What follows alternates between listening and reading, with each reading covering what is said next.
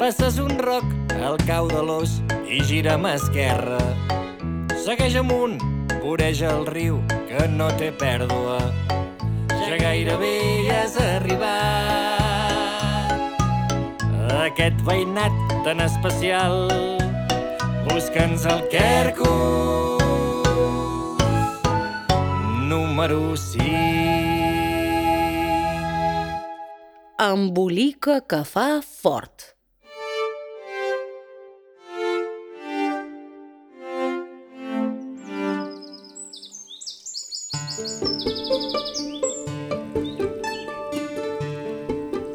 L'olor d'estiu ja es començava a sentir al bosc de l'Alzina Gran. Les flors estaven exultants i omplien de colors i aromes l'alzinar. La vella trementina estava en plena producció. D'una malva volava fins una eura, de l'eura passava la sàlvia. Com a bona vella obrera, la trementina era una excel·lent recol·lectora. Li encantava buscar les millors flors, recórrer centenars de flors a cada vol. Amb la seva petita trompa xuclava unes gotes de nèctar i se'l guardava al pap, on es barrejava amb enzims que començaven a transformar aquell nèctar en mel. Sona màgic, oi? Doncs espereu que us n'explico més coses.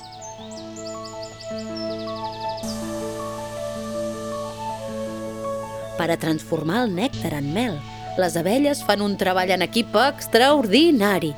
Quan una abella obrera, com la trementina, arriba al rusc, buida el pap i descarrega el nèctar que ha transformat a la seva panxa. Llavors, una altra abella xucla el nèctar de nou, l'omple d'enzims i el deixa sortir per la llengua, per a que s'airegi i s'evapori l'aigua. I se'n tornem-hi. Una nova abella torna a xuclar i deixar anar el nèctar. I així ho van repetint milers d'abelles obreres durant 20 minuts. Amb tot aquest treball en equip d'afegir enzims i airejar el nèctar molts cops, aconsegueixen un líquid espès i enganxós. Un líquid que depositen en una cel·la del rusc, on unes abelles ventiladores van airejant-lo durant 3 o 4 dies perquè perdi tota la humitat. I tatxant, finalment es transforma en mel. Però aquí no acaba la feina. Quan la cel·la està plena de mel, la tapen amb una capa fina de cera per a que es conservi bé. La protegeixen perquè la mel els ha de servir com a aliment per quan arribi el fred. Ah, i a part de xuclar el nèctar del que en surt la mel, la trementina també recol·lecta el polen de les flors per alimentar les cries d'abelles. Les abelles vivim juntes. Som una comunitat. Tothom fa la seva feina. Aquí ningú està parat. I a les que anem de flor en flor polinitzant. Les arquitectes, mentrestant, van edificant. No parem mai. Però és que la mel no es fa sola. Ens la guanyem treballant.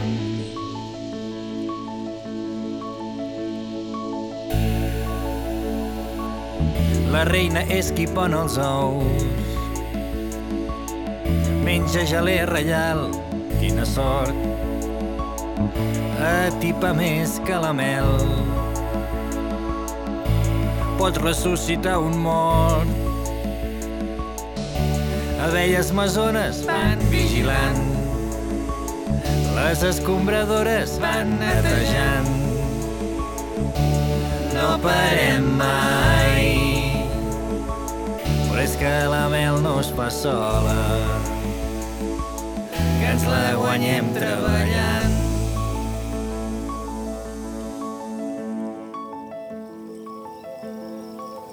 Doncs bé, aquell dia la trementina estava engrescada en la seva feina i no s'adonà que just quan estava a punt de xuclar el nèctar d'una flor de maduixera silvestre, la fagina Valentina també hi estava posant el morro perquè volia menjar-se una maduixeta vermella que acabava de madurar. En aquell mateix instant es va sentir un crit. La fagina Valentina, que tenia el morro entre maduixeres, va aixecar el cap de cop per posar-se la guait. Amb tan mala fortuna que xocà contra la malva on hi havia la vella trementina. La trementina, que no s'esperava aquella sacsejada, arrencà el vol desorientada i va entrar directament a l'orella dreta de la fagina Valentina. La trementina va començar a volar i girar a voltar per dins l'orella de la fagina, intentant trobar la sortida. I la fagina Valentina no parava de fer bots a tort i a dret, sacsejant el cap a dreta i a esquerra, intentant fer marxar aquell bronzit tan molest de l'orella. Si totes dues s'haguessin quedat quietes, tot hauria estat més senzill. Però una saltant i l'altra girar voltant sense trobar la sortida feien un espectacle que feia patir una mica. La qüestió és que aquell espectacle va acabar quan la fagina va ensopegar amb una branca enorme que hi havia als peus d'un pi del costat de l'alzina gran, on justament, en aquell moment, l'esquirol Agustí estava recol·lectant pinyes. Tenia una pila d'unes 100 o 200 pinyes, com a mínim. Hi havia moltes, moltes pinyes, totes ben endreçades i apilades, a punt per a ser emmagatzemades i desades per a passar l'hivern. Però, ai, quan la fagina va ensopegar amb la branca, va fer una tum varell a l'aire i va caure de quatre potes a sobre la pila de pinyes, que va desmuntar-se com un castell de cartes. Les pinyes van quedar totes escampades per terra. Una bona pila, fins i tot, van anar rodolant direcció a la bassa que hi havia allà a la vora, on vivia la granota Serafina. La Serafina, que en aquell moment jaia tranquil·lament entre les mates, va veure com venien rodolant cap a ella aquella munió de pinyes. Sort que abans que l'aixafessin va poder fer un bot ple d'energia fins al centre de la bassa. L'esquitxada que va fer va ser històrica. Va deixar ben enfangat en Simó, el picot verd, que just s'havia acostat a veure aigua de la bassa. En Simó aixecà el cap incrèdul. Les seves plomes verdes i lluents havien quedat colgades pel fang rogenc de la bassa. Només se li reconeixien els dos ulls i el bec. Després d'aquell terrabastall va arribar la calma. Es va fer un silenci que es podia tallar amb un ganivet. Ningú gosava dir res. En Simó, el picot, semblava talment una estàtua de fang. La granota serafina restava estirada dins la bassa. Tan sols treia els dos ulls a fora, que semblaven uns binocles.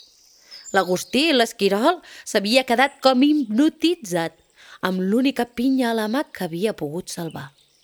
Tenia la mirada fixa allà on fins feia poc tenia una preciosa pila de pinyes. La fagina Valentina reposava esgotada i no parava de rascar-se l'orella. La vella trementina estava ajaguda sobre una flor de malva recuperant-se del mareig. El silenci el va trencar la rosó, que va aparèixer amb el seu vol serè. Es pot saber que ha sigut tot aquest rebombori? va dir l'Òliva Rosó. Què ha passat? Esteu tots bé? Simó, que jugues a fer d'estàtua de fang? O és un tractament per tenir les plomes més finetes o alguna cosa així? En Simó es va sacsejar les plomes del cap, va expulsar-se les ales i va començar a dir uns renecs que encara mai s'havien sentit en aquell bosc. Serafina, que no has vist que jo estava bevent una mica d'aigua quan has decidit saltar la bassa amb tanta fúria que m'has deixat ben enfangat? No podries anar amb més de compte? És culpa teva que jo hagi quedat així. No, no, no, va dir la Serafina. Culpa meva no és. Ha estat l'Agustí que m'ha començat a tirar pinyes al damunt mentre jo jaia tranquil·lament sobre l'eure. És culpa de l'Agustí. Ei, ei, ei, no, no, no, no, no, no, no. Repilicà de seguit l'Agustí. No em facis culpable a mi, que jo prou pena tinc. La meva pila de pinyes, que m'ha costat suor i esforç de recol·lectar i apilar, ha quedat tota destrossada per culpa de la fagina valentina que hi ha saltat al damunt. Ep, ep, ep, un moment, un moment, un moment, digué la Valentina rascant-se l'orella. No és pas culpa meva. Jo estava menjant maduixes silvestres tranquil·lament quan he sentit un crit que m'ha posat en alerta. He aixecat el cap i la trementina se m'ha ficat dins l'orella i no volia sortir. És ella la culpable que jo comencés a saltar. Zzz, però, po- pobra de mi, es queixava la trementina. Jo estava recol·lectant nèctar de la meva malva preferida quan la fagina Valentina se m'ha llançat al damunt. Pobra de mi, m'he ben espantat allà dins d'aquella orella tan fosca com una gola del llop. Per més que batés les ales amb totes les meves forces, no sabia com sortir.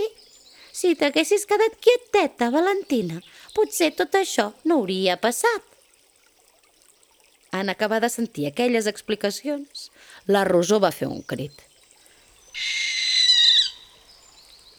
Que era com aquest el xisclet que has sentit, Valentina. Sí, sí, sí, talment aquest. Eres tu, Rosó? Doncs tu ets la culpable de tot aquest embolica que fa fort, va dir la Valentina. No sóc pas jo la culpable. Qui ha fet un crit ha estat la meva cosina que m'ha vingut a visitar des d'Anglaterra. I és que, Valentina, t'ho he dit moltes vegades. A les òlives, les fagines ens feu por. Ja t'he dit moltes vegades que jo menjo carn. Jo només menjo fruits. Des que se'm va quedar un ratolí atrevessat enmig del coll i quasi moro ofegada, que no he tastat gens de carn. No, no i no. Ho sé, replicà l'Òliva, però la meva cosina no ho sabia. Estava a punt de marxar i emprendre el vol quan t'ha vist. S'ha espantat i ha fet un crit. I ja està. Fi de la història. I així va ser com es va acabar la cerca de culpables. I el que havien estat retrets es va convertir en un concurs de crits i de sons que va allargar-se fins al capvespre, quan el sol es va pondre en aquell veïnat de Quercus número 5.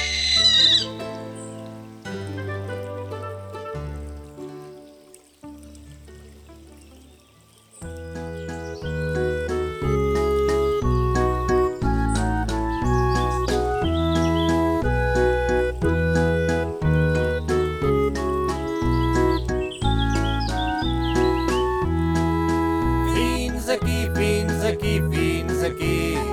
Avui la història acaba així. Que en el Quercus número 5 ja s'hi ha fet de nit. Però demà,